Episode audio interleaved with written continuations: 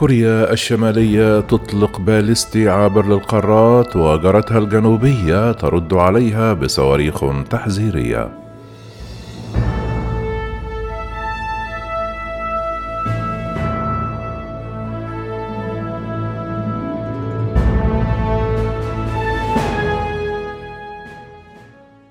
أطلقت كوريا الشمالية صاروخا باليستيا عابر للقارات في اتجاه البحر يوم الخميس مما رفع الرهان في حملة ضغط تهدف إلى إجبار الولايات المتحدة الأمريكية ومنافسين آخرين على قبولها كقوة نووية ورفع العقوبات المشددة. جاء الإطلاق الذي مد دوابل تجارب الأسلحة لكوريا الشمالية هذا العام بعد أن قال الجيشان الأمريكي والكوري الجنوبي أن البلاد كانت تستعد لرحلة لصاروخ باليستي عابر للقارات كبير جديد تم الكشف عنه لأول مرة في أكتوبر من عام 2020 المنصرم.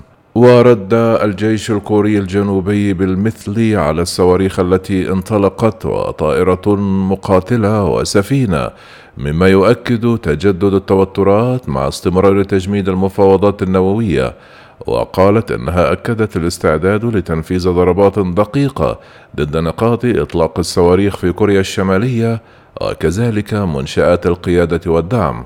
قالت هيئة الأركان المشتركة لكوريا الجنوبية أن الصاروخ الشمالي عابر للقارات الذي أطلق من منطقة سونان بالقرب من العاصمة بيونغ يونغ قطع مسافة 1080 كيلومترا ووصل أقصى ارتفاع له إلى أكثر من 6200 كيلومترا وتم إطلاق الصاروخ على ما يبدو من زاوية عالية لتجنب الوصول إلى المياه الإقليمية لليابان. قال نائب وزير الدفاع الياباني ماكوتو أونيكي أن تفاصيل الرحلة تشير إلى نوع جديد من الصواريخ البالستية العابرة للقارات إنه تهور لا يغتفر وقال رئيس الوزراء الياباني فيومو كيشيدا بعد وصوله إلى بلجيكا لحضور اجتماع مجموعة السبع. نحن ندين بشدة هذا العمل. قال كبير أمناء مجلس الوزراء في طوكيو هيروكاز ماتسونو أن الصاروخ حلق قبل 71 دقيقة من احتمال هبوطه بالقرب من المياه الإقليمية اليابانية قبالة جزيرة هوكايدو. وقال إن اليابان قد تبحث عن حطام داخل منطقتها الاقتصادية الخالصة لتحليل تكنولوجيا الصاروخ البالستي. أصدر غفر السواحل الياباني تحذيرا للسفن في المياه القريبة لكن لم ترد تقارير فورية عن أضرار في القوارب أو الطائرات. كما أصدرت منظمة مصايد الأسماك اليابانية بيانا شجبت فيه الإطلاق باعتباره عمل بربريا يعرض لحياة الصيادين وسبل عيشهم للخطر.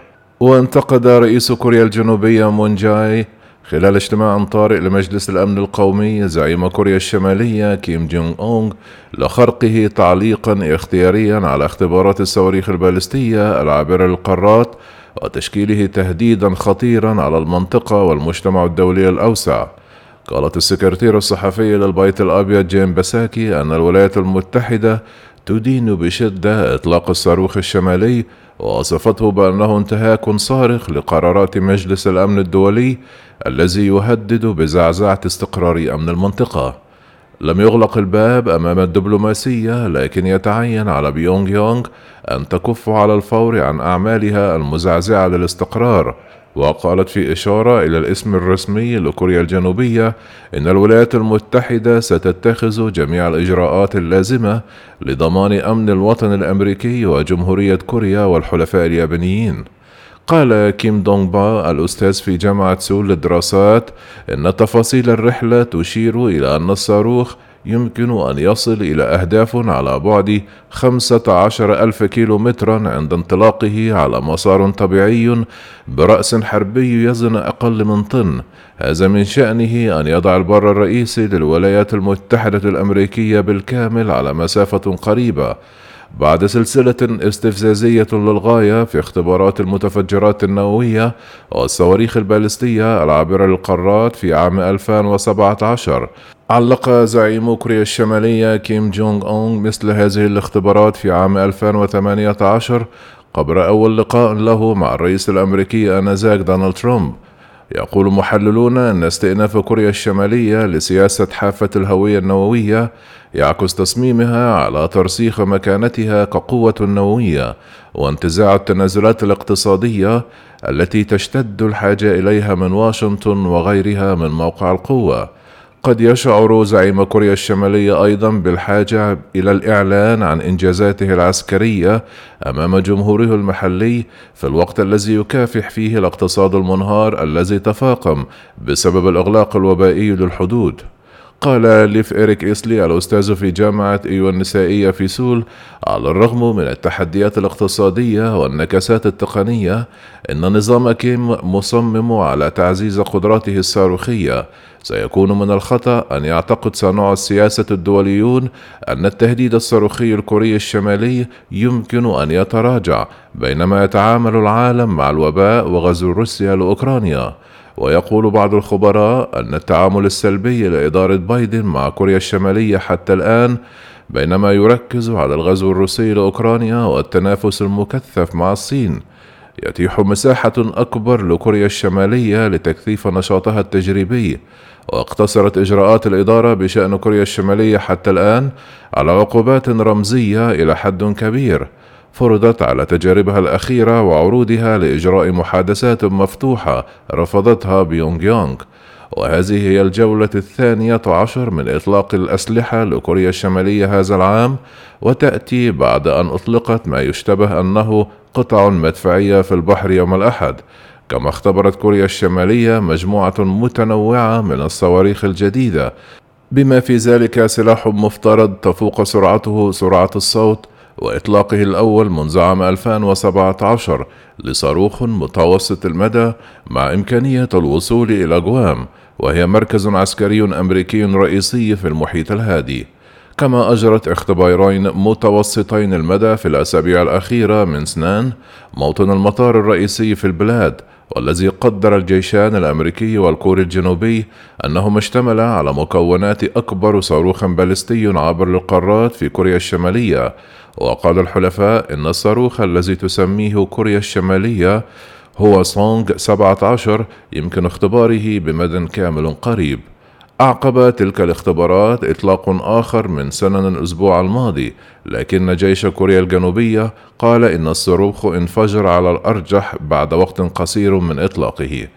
أصرت وسائل الإعلام الرسمية في كوريا الشمالية على أن الاختبارين الناجحين كان يهدفان إلى تطوير كاميرات وأنظمة أخرى لقمر صناعي للتجسس ويقول المحللون إن كوريا الشمالية تحاول في وقت واحد تطوير صواريخها البالستية العابرة للقارات واكتساب مستوى معين من قدرة الاستطلاع الفضائية بحجة إطلاق فضائي لتقليل رد الفعل الدولي على تلك التحركات.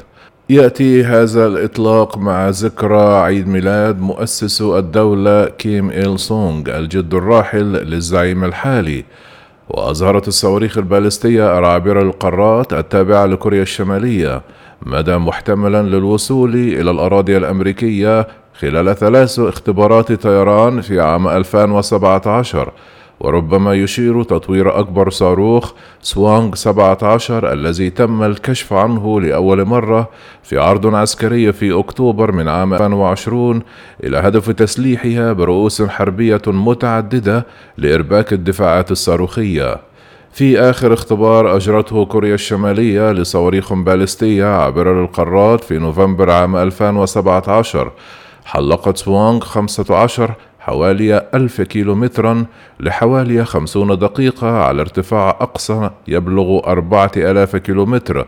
وتوقفت محادثات نزع السلاح النووي مع الولايات المتحدة الأمريكية منذ عام 2019 عندما رفض الأمريكيون طلب كوريا الشمالية بتخفيف العقوبات الكبرى مقابل التنازل الجزئي عن قدراتها النووية. وترأس زعيم كوريا الشمالية اجتماعا لحزب العمال الحاكم في التاسع عشر من يناير حيث أصدر أعضاء المكتب السياسي تهديدا مبطنا بإنهاء تعليقه على الصواريخ البالستية والعابرة للقارات والتجارب النووية مستشهدين بالعداء الأمريكي. واكتشف جيش كوريا الجنوبية أيضا مؤشرات على أن كوريا الشمالية ربما كانت ترمم بعض الأنفاق في أرض التجارب النووية التي فجرت في مايو من عام 2018 قبل أسابيع من اجتماع زعيم كوريا الشمالية مع الرئيس السابق دونالد ترامب.